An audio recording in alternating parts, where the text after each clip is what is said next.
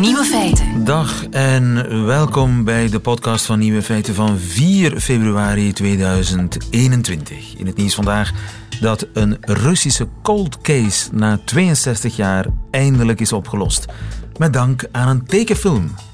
Op 2 februari 1959 kwamen negen avonturiers om het leven tijdens een expeditie in de Oeraal.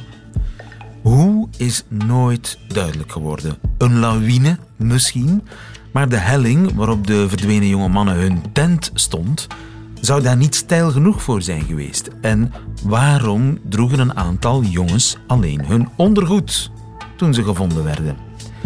Toch is er nu meer en meer bewijs dat de lawine-theorie kan kloppen. En dat bewijs werd geleverd door de mensen die de animatiefilm Frozen hebben gemaakt. Dat team zorgde voor prachtige sneeuweffecten in Frozen en bedacht zo'n realistisch algoritme dat het blijkbaar ook gebruikt kan worden om te simuleren waar en hoe er lawines kunnen ontstaan en wat de impact daarvan zou kunnen zijn. En de conclusie van de tekenfilmsimulatie is duidelijk: er kon op die plek wel degelijk een lawine ontstaan. Krachtig genoeg om ribben en schedels te breken. Case closed dus na 62 jaar. De andere nieuwe feiten vandaag. Chris de Bruyne is overleden, vernemen we zo pas. Hij is 70 jaar geworden. Het succes van films is sinds corona niet of nauwelijks meer te meten. De corona-ademtest wordt volop gebruikt in de Nederlandse testcentra. En waarom u eten eerst aanbakt in het midden van de pan is uitgezocht. De nieuwe feiten van Johan Terrein, die hoort u in zijn middagjournaal. Veel plezier. Nieuwe feiten. Nederland zet massaal in op ademtesten voor corona, waarbij je even in een toestel blaast en een paar seconden later al weet positief of negatief. Die blaastest wordt sinds deze week in Amsterdam gebruikt op vier testlocaties van de gemeentelijke gezondheidsdienst en zal de komende maanden ook in de rest van Nederland worden uitgerold. Goedemiddag Geert Groeneveld. Goedemiddag. U bent infectioloog van het Universitair Medisch Centrum in Leiden, Universitair Ziekenhuis van Leiden, zeg maar. En u heeft de betrouwbaarheid van die ademtests getest, als het ware. Ja, we hebben onderzocht of die ademtest inderdaad uh, gebruikt kan worden in de GGD-teststraten, um, waar, we, waar mensen komen die milde klachten hebben. Uh, om te kijken of ze coronavirus hebben. En dat blijkt zo te zijn. En hoe werkt het? is het een groot toestel? Een log groot ding? Nee, het valt wel mee. Uh, het is een uh, klein apparaatje wat op een standaard staat op een tafelblad waar je voor kan komen te staan en doorheen moet blazen. Het idee is, is dat je als je voor zo'n test komt in een testcentrum in Nederland, uh, dat je aan het begin zo'n ademtestapparaat treft, uh, waar je gevraagd wordt of je een aantal keer rustig door in en uit wil ademen. en dat apparaat analyseert het profiel van, de, van je uitademingslucht. en dat doet het een beetje zoals je eigen neus ook werkt. en dat apparaat kan op die manier uh, uh, met zekerheid uitsluiten bij een groot deel van de mensen dat ze geen coronavirus uh, hebben. Met zekerheid uitsluiten, dus de negatieve testen zijn heel betrouwbaar. Ja, dus de negatieve testen zijn heel betrouwbaar. Bij ongeveer 70% van alle mensen die in de teststraat komt, weet het apparaat vrijwel direct dat mensen geen coronavirus hebben. En op die manier gaat hij dus ingezet worden als een soort van screening voor de, voor de tweede deel van de teststraat. Als je bij 70% van de mensen met zekerheid weet dat ze geen coronavirus hebben, dan hoeven die mensen dus ook niet zo'n wattenstaaf in hun keel of in hun neus. Uh, want dan kunnen ze meteen weer naar buiten weten dat ze geen coronavirus hebben. Juist, want de, de positieve testen zijn niet zo betrouwbaar. Nee, dus, dus het apparaat is niet goed genoeg in met zekerheid een diagnose coronavirusinfectie stellen. Dus de, ongeveer 30% van de mensen waar het apparaat het niet weet, uh, bij die mensen moet dus een, een, gevoeligere test plaatsvinden om uh, met die gevoeligere test ofwel aan te tonen dat ze een coronavirusinfectie hebben of alsnog uit te sluiten dat ze dat hebben. Ja. Wat is dan precies het voordeel van zo'n blaastest? Um, nou, dus het voordeel is, is dat het direct resultaat geeft. De snelheid. Dus mensen lopen naar buiten die weten wat er aan de hand is. Uh, het is heel veel vriendelijker. Um, ik weet niet of u wel eens een test hebt ondergaan. Oh, ja, ja, ja, ja. Het is geen pretje. het lukt wel, maar het is geen pretje. Het is geen pretje, dus het is heel veel vriendelijker. en het gaat dus niet alleen, het gaat vooral veel sneller. Uh, omdat er geen dure en langdurige PCR- of antigeentest uh, moet volgen. Dus 70% van de testers kan al meteen naar huis met zekerheid negatief. Ja. Kun je die, jullie gaan dat nu uitrollen in, in heel Nederland. Alle gemeentelijke gezondheidsdiensten, alle GGD's, die gaan daarmee nu gedeeltelijk aan de slag met die ademtesten. Uh, dus dat zijn de testlocaties. Maar zou je dat ook kunnen uitbreiden naar bijvoorbeeld de horeca? Nou, ik denk dat, het, dus dat er een aantal andere uh, plekken zijn waar je dat zou kunnen gebruiken. Um, dus wij hebben als universitair ziekenhuis dat onderzoek gedaan. Er is een, een, bedrijfje wat die apparaten maakt. Dat was een, een, jaar geleden een vrij klein bedrijf. Dus die zijn enorm bezig om met grote snelheid veel van die zogenaamde e-noses te maken om die bij alle GGD's in te zetten. Ja, ik geloof dat er in Leuven ook bij IMEC ook aan gewerkt wordt. Ik weet dat niet zeker, maar ik denk dat er ook Belgische bedrijven daarmee bezig zijn. Ja, ja, ja dus, dus het is een beetje lastig dat die verschillende INO's net een beetje andere technologie hebben. Uh, ik denk dat we daar naartoe moeten dat, um, uh, dat, dat meer bedrijven dat, uh, diezelfde technologie op dezelfde wijze gaan maken, zodat er productie inderdaad snel verhoogd kan worden, zodat het op andere plekken inzetbaar is. En dan zou je inderdaad theoretisch kunnen voorstellen dat bij evenementen Ehm, restaurants, dat soort dingen, uh, dat je ehm, die INO's voor de deur kan neerzetten. Ehm, en de mensen die uh, dan negatief, uh, negatief zijn. kan je doorlaten. Ja. Het enige nadeel daarvan is dat je een aantal mensen naar huis moet sturen die niet negatief zijn getest en die misschien toch wel negatief zijn. Ja, dat klopt. En dat levert denk ik weer onrust op, want uh, uh, die dat hebben niet helemaal eerlijk. Maar aan de andere kant, ja, als dat de redding is van de horeca van de, en van de concerten en van de culturele sector, ja. ja, maar dat lijkt me een lastige discussie voor de restauranthouder voor de deur. Ja, uh, iemand die geen klachten heeft en met de familie uit eten ging. En we, waren, we zijn met z'n eh, tienen en dan moeten er drie naar huis. Dan wordt er toch ongezellig uh, van. Uh, dus er zitten een aantal praktische dingen. Hè. Dus de, de, voetbalstadions hadden contact opgenomen. Het is een, ja, dus bij de GGD lukt het 15, 16, 17 mensen per uur per apparaat te laten blazen. Maar als er 10.000 mensen in een stadion gaan, dan is dat een enorme organisatie met heel veel apparaten. Dat is denk ongeveer ondoenlijk. Dus zo'n apparaat kan 16 dus- mensen per uur aan, is niet zo gek veel, hè?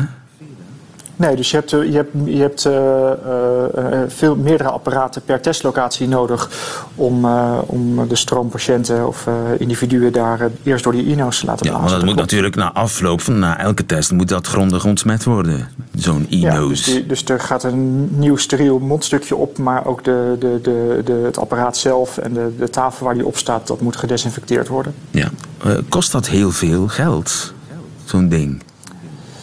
Uh, dat weet ik niet zo goed, want uh, dus wij doen, hebben het onderzoek gedaan, maar wij zijn niet van het bedrijf wat ze maakt. Dus ik moet ja. u zeggen, ik weet niet precies wat het kost. Ja, maar goed, uh, om, omdat ik mij zit af te vragen of een klein restaurant of een klein café dat wel kan dragen, maar ja, misschien kan dat ook is dat een, een, een, voer voor later, die discussie? Misschien kan, kan daar ook... ja, dus als er meerdere restaurants in één straat zitten... kan je het ook aan het begin van de straat neerzetten. Er zijn denk ik opties. Uh, maar om de, om de kosten te delen of om de kosten door de overheid te laten dragen. Dat kan allemaal. Maar in principe is, is, zou het een, een handig bijkomend middel zijn... om uh, de samenleving, de scholen... Sneller ja. open te laten gaan. Ja, dus we hebben, we hebben in onze eerste uh, onderzoekscohort hebben we volwassen mensen uh, meegenomen. Dus we weten dat dit voor volwassen mensen zo uh, werkt. Voor kinderen die toch een beetje ander metabolisme, stofwisseling hebben dan volwassenen, moeten we dat in een nieuw onderzoek bevestigen of het ook voor kinderen ingezet kan worden. Dat is misschien juist de groep die, waar zo'n belastende wattenstaaf in je keel of neus nog vervelender is. Dus ik hoop dat we dat op korte termijn kunnen doen. Ja, u gaat verder met testen. Ja. Mag ik u daar heel veel succes bij wensen. Dankjewel Geert Groeneveld van het UZ in Leiden. Goedemiddag. Goedemiddag. Nieuwe feiten. Chris de Bruyne is dood, 70 is de zanger geworden. Een paar van zijn liedjes zitten in ons collectieve geheugen. De onverbiddelijke zoener natuurlijk. Amsterdam, Vilvoorde City. En dat laatste is overigens een liedje dat bij de toenmalige burgemeester van Vilvoorde niet meteen in de smaak viel. Televisie uh, maakt eens opname van dat liedje Vilvoorde City. Er was ook één opname in, in wat ik noem de ontvangstzaal van, van het gemeentehuis in Vilvoorde. En de burgemeester wou eerst dat liedje, liedje wel even horen. Ja, die heeft ons uh, uitgeschopt. Want hij vond dat niet, uh, niet vlijend. Ja, dat was het ook niet. Ja, Chris de Bruyne eruit geschopt. De eeuwige rebel was hij toch ook een beetje. Miss Walschaerts, goedemiddag. Dag lieve. Miss, uh, jij hebt vaak met Chris gewerkt, hè? Ja, we hebben hem uh, wel goed gekend. Zeker in de beginperiode van Comufo hebben we vaak samengespeeld en uh, in veel op café gezeten en ja, wel veel tijd samen doorgebracht. Ja, en je hebt ook nog iets gemaakt over hem. Ja, het is... Uh, zeer onlangs. Zeer onlangs, uh, gisteren eigenlijk. We hebben ah. gisteren en eergisteren in de studio gezeten om... Uh, het is eigenlijk een opdracht van Radio 1 om een lied te maken. Iemand die gehoog in het vaandel draagt om iemand te eren. En we hadden toevallig Chris gekozen. Dus we hebben dat gisteren en eergisteren opgenomen. Dus het is wel heel bizar nu, dit nieuws. Het is heel bizar dat je gisteren en eergisteren een ode hebt opgenomen aan een man die vandaag is overleden. Dat, dat zijn de, de, rare uh, kronkels van het toeval. Ja, inderdaad, het is toeval. Hè, maar het is, want we hebben het, uh, de tekst uh, eergisteren nacht nog, Raf en ik, zitten schrijven, omdat we het niet, nog niet helemaal afvonden. En het is een soort van ode, maar ook een... we wisten dat Chris het laatste jaar niet echt, dat hem niet goed meer was. Dus we hebben een soort van afscheidslied geschreven. Dus het, het, het toeval is wel erg groot. Ja. Waarom heb je voor Chris de Bruyne gekozen? Je, moest, uh, ja, je mocht een, een eer bewijzen, een, een ode brengen. Waarom heb je toen voor Chris gekozen? Vanwege ons gezamenlijk uh, verleden dat we hadden, maar vooral omdat we het nog altijd een hele grote meneer vonden. De, misschien de grootste reden is dat, dat Chris ons toch altijd wist te raken. Dat uh, ondanks wat jij net zegt, dat zijn re rebelse zijn rebelse kant en zijn rock'n'roll kant, dat hij ook tegelijkertijd iets heel kwetsbaar had als hij, als hij zong en, en songs maakte. Was hij op zijn best in de studio of op het podium? Sorry, wat, Was hij op zijn best in de studio of op het podium? Kreeg dat, dat kwetsbaar op het podium nog iets, iets meer? Bij Arno heb je dat bijvoorbeeld. Hè? Dat hij, op het podium is dat ongelooflijk. Ja, dat vond ik bij Chris ook. Ja, Chris kon uh, een, een een rumoerig café of een grote zaal muisstil krijgen met, uh, met zijn akoestische gitaar en zijn, zijn stem. Dat was uh, dat, toch bij, bij momenten echt een grote klasse, vond ik. Ja, die stem... Hoe hij dat deed, daar hebben we heel veel van geleerd. Zijn stem natuurlijk. Ja, die had iets beestigs, hè? Ja, echt. Hè, zo heel, heel ruw, heel rauw, heel soulvol. En natuurlijk, uh, ja, een grote songschrijver. Hij heeft ja. fantastische nummers geschreven. Ja, onsterfelijke nummers, hè? De Onverbiddelijke Zoener bijvoorbeeld, Amsterdam, Vil voor de City. Dat zijn liedjes die ja, nog generaties zullen meegaan, hè? Absoluut. Mijn, mijn favoriet is uh, Prachtig Nieuw Lief. Dat, dat vind ik zo mooi. Dat is, uh, dat is een liedje dat ik nog ja, dat ik vaak opleg. Ja. en hij was ook toch in zekere zin een pionier, hè? Nederlandstalige rock, begin jaren zeventig. Ja, dat moest nog uitgevonden worden, hè? Eigenlijk wel. Hij is begonnen, eerder de klassieke Nederlandstalige songschrijver, maar dan is hij ja, jaren tachtig zo de, een andere, beetje andere weg ingeslagen en meer ja, rock en roll. Hè. Zo, wanneer zou dat geweest zijn? Zo in de jaren negentig denk ik dat hij een plaat gemaakt heeft met T. Lau als producer. En dat was, ja, dat was eigenlijk een van de eerste Nederlandstalige rockplaten. Ja, een beetje tussen de, de kleinkunst en de rock and roll in. Uh, hij viel een beetje wat dat betreft tussen twee stoelen, hè? Zo kan je het uitdrukken. Je kan ook zeggen dat hij het allebei heel goed kon. Ja. Hij, eh, staat hij wat jou betreft op eh, dezelfde hoogte als Jan de Wilde, Raymond van het Groenewoud? Ja, voor mij wel. Ja. Hij heeft, ze heeft misschien minder bekende nummers als bijvoorbeeld Raymond, maar uh, ik vind dat wel van die klasse, ja. ja. ja. Ik heb intussen een prachtig nieuw lief gevonden. Aha, zal, ik, zal ik dat voor jou draaien? En voor uh, alle fans van Chris de Bruyne, die hem willen eren op de dag dat we moeten van het droevige nieuws kennis nemen dat hij is overleden. Hij was al een tijdje ziek. Dus het, het uh, komt niet helemaal onverwacht, maar 70 is toch vroeg, hè? Ja, te vroeg, hè. zeker in deze tijden. Het, uh, ik, ik, hoop het langer vol te houden. Heel jammer. Nee. Miss Waldschaars, dankjewel. Veel sterkte. Graag gedaan. Ik help uit de wereld een misverstand. Mijn meisje woont niet meer bij mij. Ze woont in dat huis in de Rijenstraat. Laat de beestjes maar los, ze is vrij. Ze heeft op haar kop blonde krullen gelegd, zonder van het mooie rode haar. Kijk, zegt ik ben helemaal anders nu. O lieveling, was dat maar waar. De bruin, het wordt tijd voor een prachtig nieuw lief. Kom op makker, schrijf Rita een brief.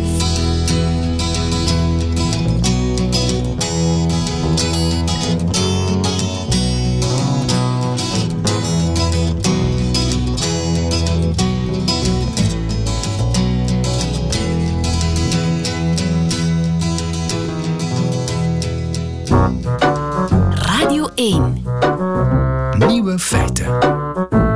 Lieven van den Houten. Er is een uh, onverwacht slachtoffer van de coronacrisis, namelijk de kijkcijfers.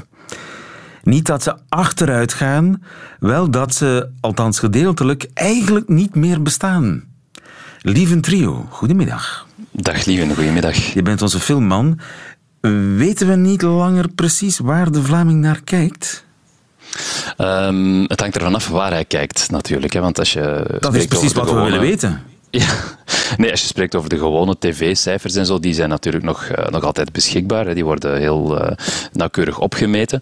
Maar, en uh, ik denk dat jij dat ook wel al zal gedaan hebben, lieven, via Netflix en dergelijke, via de streamingplatformen. Als je daar kijkt, dan worden die gegevens nog altijd opgemeten, maar die worden niet meer gecommuniceerd. Of wij kunnen daar toch niet zomaar aan. Ah, dus uh, Netflix zwijgt over uh, haar eigen kijkcijfers. Ja, en uh, Netflix is daar ook niet alleen in. Hè. Alle streamingdiensten zoals Amazon Prime Video, Disney Plus, Apple TV en zo is er nog een hele reeks, die houden die cijfers liefst voor zichzelf. Oeh, maar die, ze, ehm, ze beweren toch dat The Queen's Gambit en Bridgerton en zo van die dingen Inderdaad. Dus de, ze, ze, als het er goed uitkomt... Inderdaad. Ze, ze, communiceren zeer graag over de grote successen. Hè. Dus de, elke week heb je wel de indruk dat er een nieuw record aan het sneuvelen is. Dat uh, sturen ze toch dan zelf uit. Van deze serie heeft uh, wat Bridgerton 82 miljoen uh, kijkers gehaald op, op, op enkele weken tijd. Dat is dan een nieuw record. En dat, dat kan best zijn. Um, alleen, ja, natuurlijk de dingen die minder scoren, daar horen we niks over. En ja. dat is toch wel een groot verschil. En, en ik heb het nu net over een serie gehad, Bridgerton, maar dat gaat ook over films. Hè, want uh, de bioscopen zijn al een hele tijd dicht. Dus de enige vorm van, uh, de enige plek waar we nog nieuwe films kunnen bekijken, dat zijn nu die streamingplatformen. Hè, Netflix en, en Amazon en zo, die lanceren om de zoveel tijd wel een nieuwe film. Disney Plus ook. Hè. Ik denk dan bijvoorbeeld aan die, die nieuwe Pixar-film Soul. Hè, die is in december op Disney Plus rechtstreeks verschenen, in plaats van in de cinema, zoals normaal ja. voorzien was. En als je naar de cinema uh, gaat, dan kan je meteen daarna ook gaan kijken van oké, okay, hoeveel andere mensen hebben die film nu gezien? Hoeveel ja. geld heeft die film in het laadje gebracht? Is dat een succes? Is dat een gigantische flop? Dat zijn cijfers die gewoon beschikbaar zijn, die iedereen kan, uh, waar iedereen toegang tot heeft. Maar dat is helemaal anders als die film dan terechtkomt op een streamingplatform. Dan kan je gewoon niet meer bekijken van wat zijn nu de successen en wat zijn de flops. Dat weten we gewoon niet, uh, want daar wordt niet over gecommuniceerd. Ja, behalve als het een succes is. En dan nog eigenlijk, hè, want als het nu eens heel ja. achterdochtig mag zijn, want zo'n Netflix heeft er natuurlijk alle belang bij dat een serie een groot succes is. Want succes trekt succes aan. Hè? Je wilt ook wel eens Zo kijken dat, naar ja. die hitserie. Absoluut, zo werkt het. Hè. Hoe, hoe zij- betrouwbaar zijn die cijfers? Ja, ik ga er nu wel vanuit dat ze niet liegen over die cijfers, dus dat zal wel waar zijn. Alleen, ze zijn ook wel zeer creatief en ook niet zo streng voor zichzelf. Hè. Dus, uh, ja, de maatstaf voor um, een, een, een view, dus uh, als iemand zogezegd heeft gekeken naar een, een, serie of een film, die is nogal, nogal laag. Uh, tot, tot, begin 2020 lag die drempel op 70%. Dus je moest 70% van een aflevering of van een film hebben bekeken voordat die in de statistieken als een view werd geteld. Dat lijkt mij een, redelijke standaard. Hè. Dat wil toch zeggen dat je met aandacht naar iets hebt gekeken en het wou uitkijken.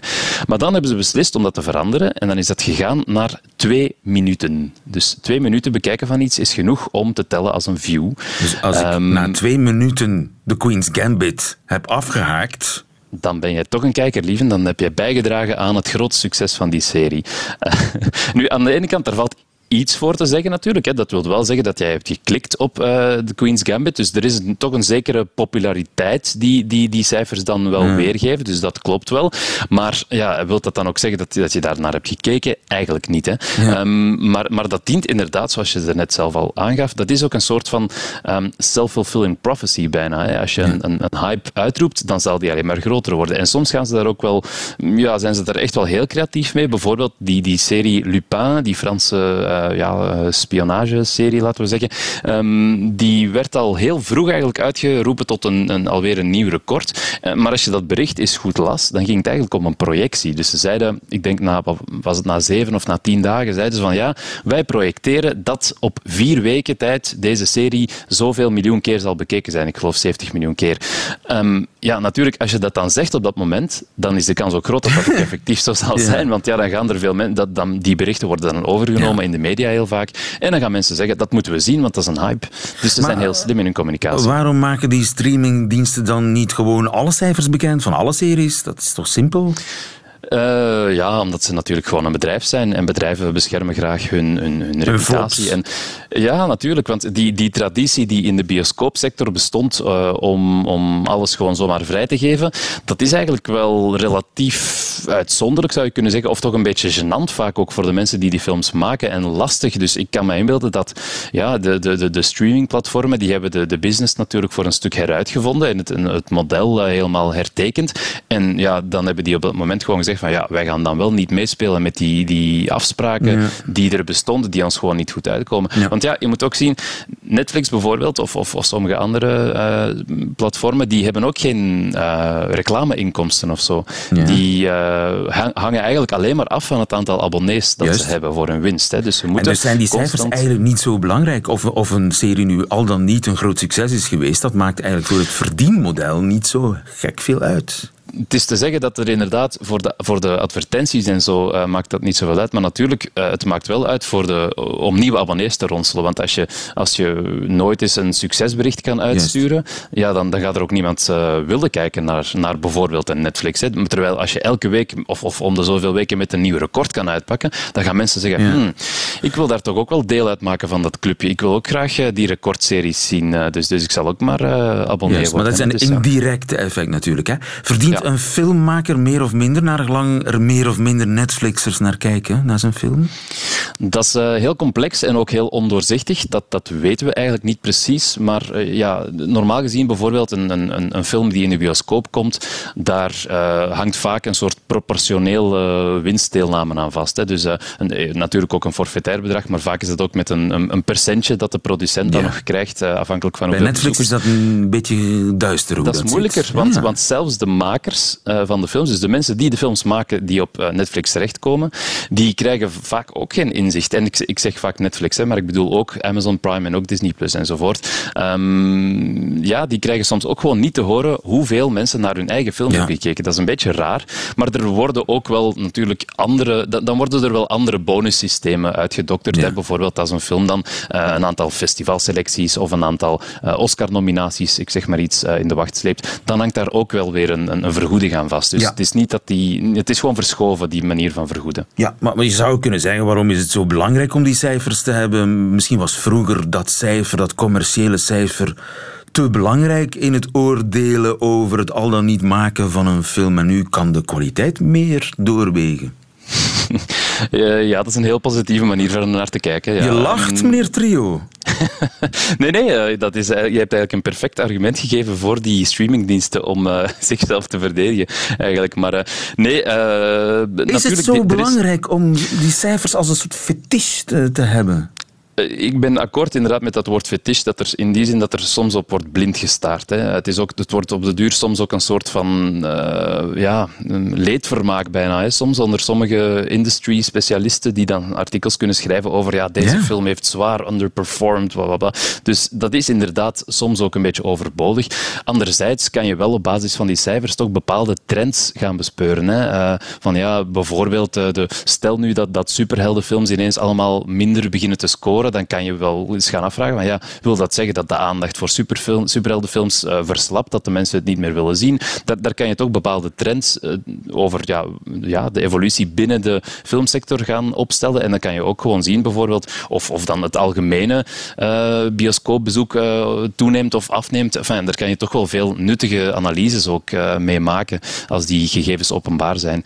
Um, en dat kan je natuurlijk niet bij streamingdiensten. Daar hang je volledig af voor je analyses van wat de, de platformen zelf bereid zijn om te delen. En dat is toch een andere realiteit. Inderdaad. Uh, het kijkcijfer is niet helemaal meer betrouwbaar. In die zin, we weten niet langer waar precies de Vlaming naar zit te kijken. De streamingdiensten inbegrepen. En de rest van de wereld ook niet.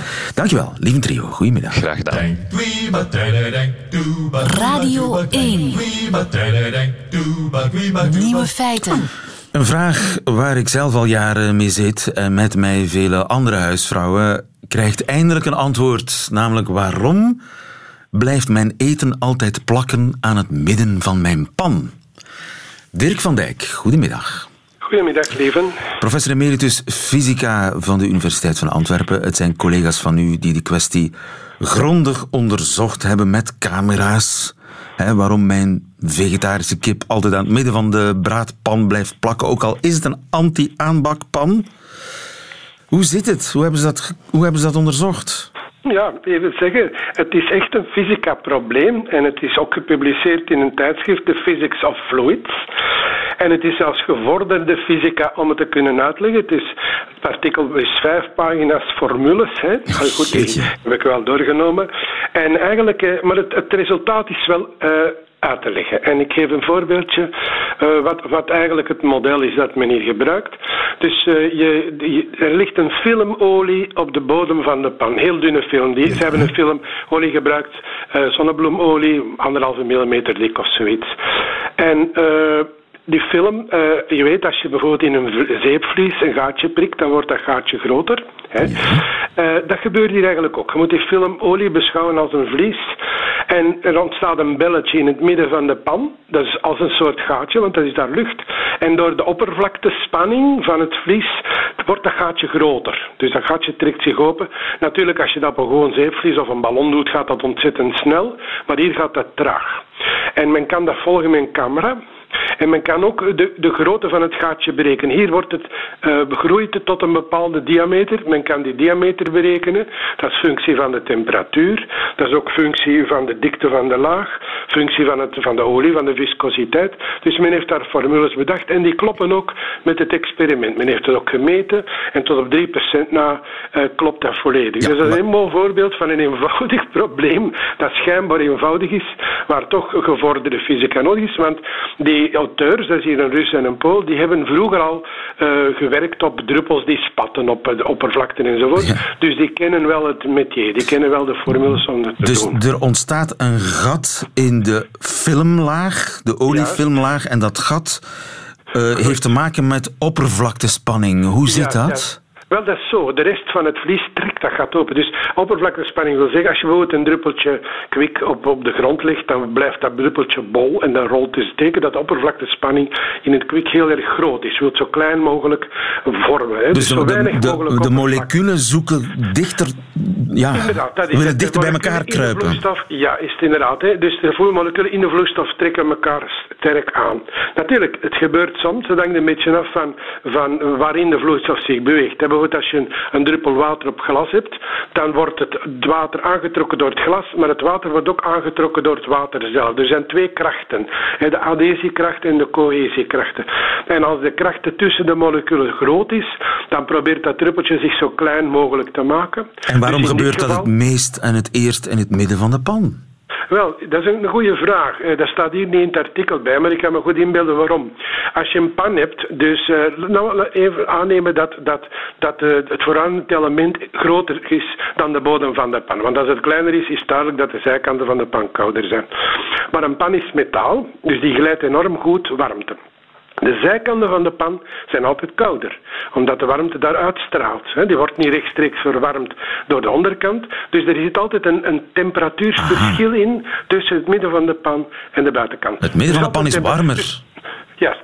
En als er iets gebeurt, als er een belletje ontstaat, is het eerst waar het de warmste is. Dat is exact in het midden van de pan. Natuurlijk, in dit geval wat zij berekend hebben is hoe groeit dat belletje. Dus met andere woorden, een belletje betekent dan een plaats waar geen olie meer is. Dus daar komt een grotere vlek waar geen olie meer is en waar dus het voedsel rechtstreeks in contact komt met de pan en dus kan verbranden. Aha.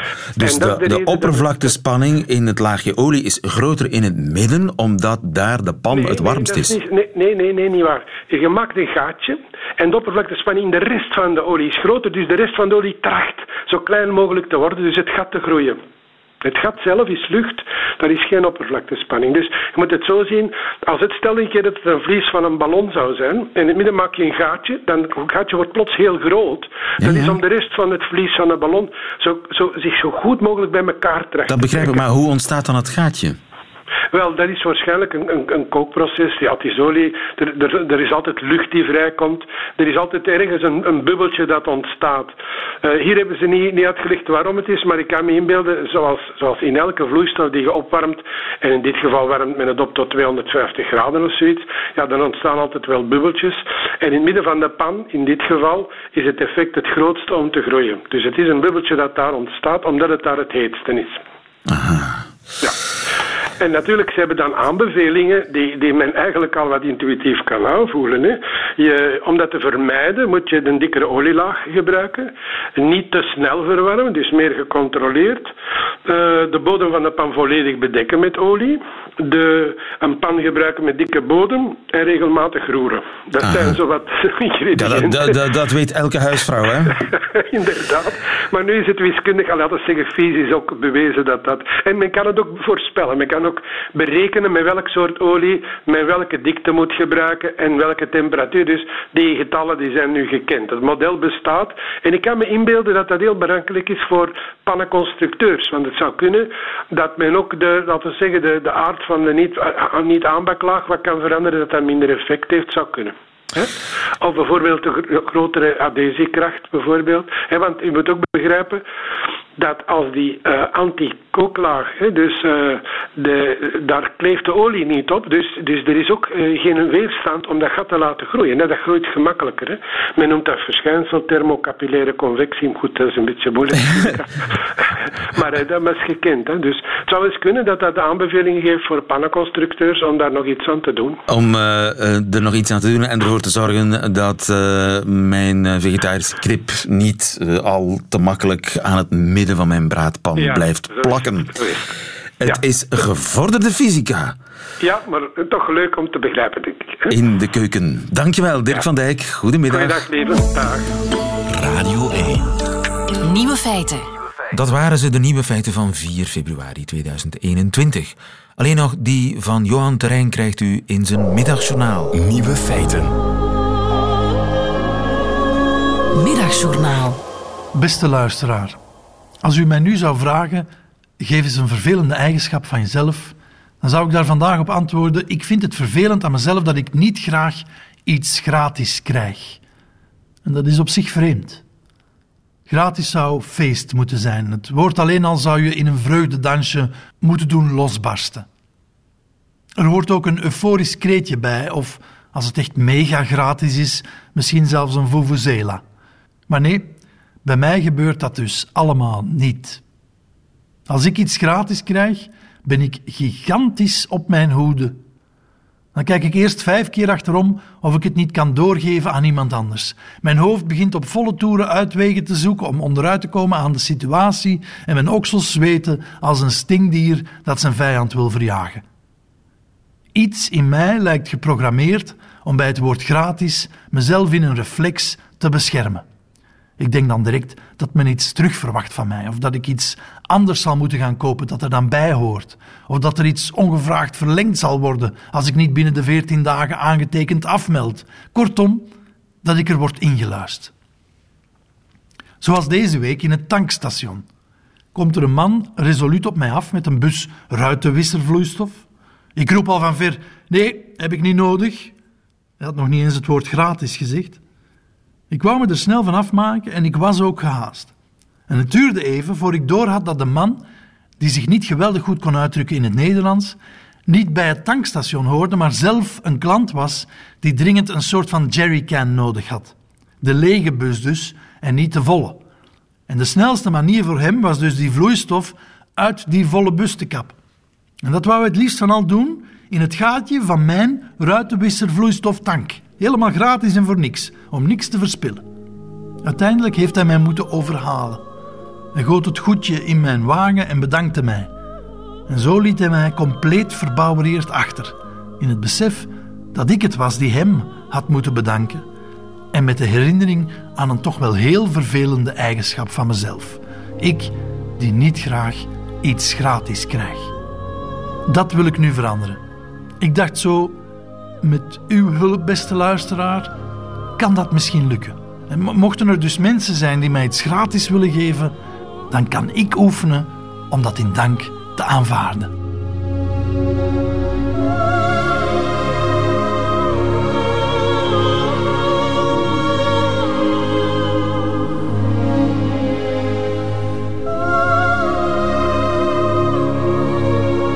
Het adres van Johan Terrein vermelden we er maar niet bij, veiligheidshalve.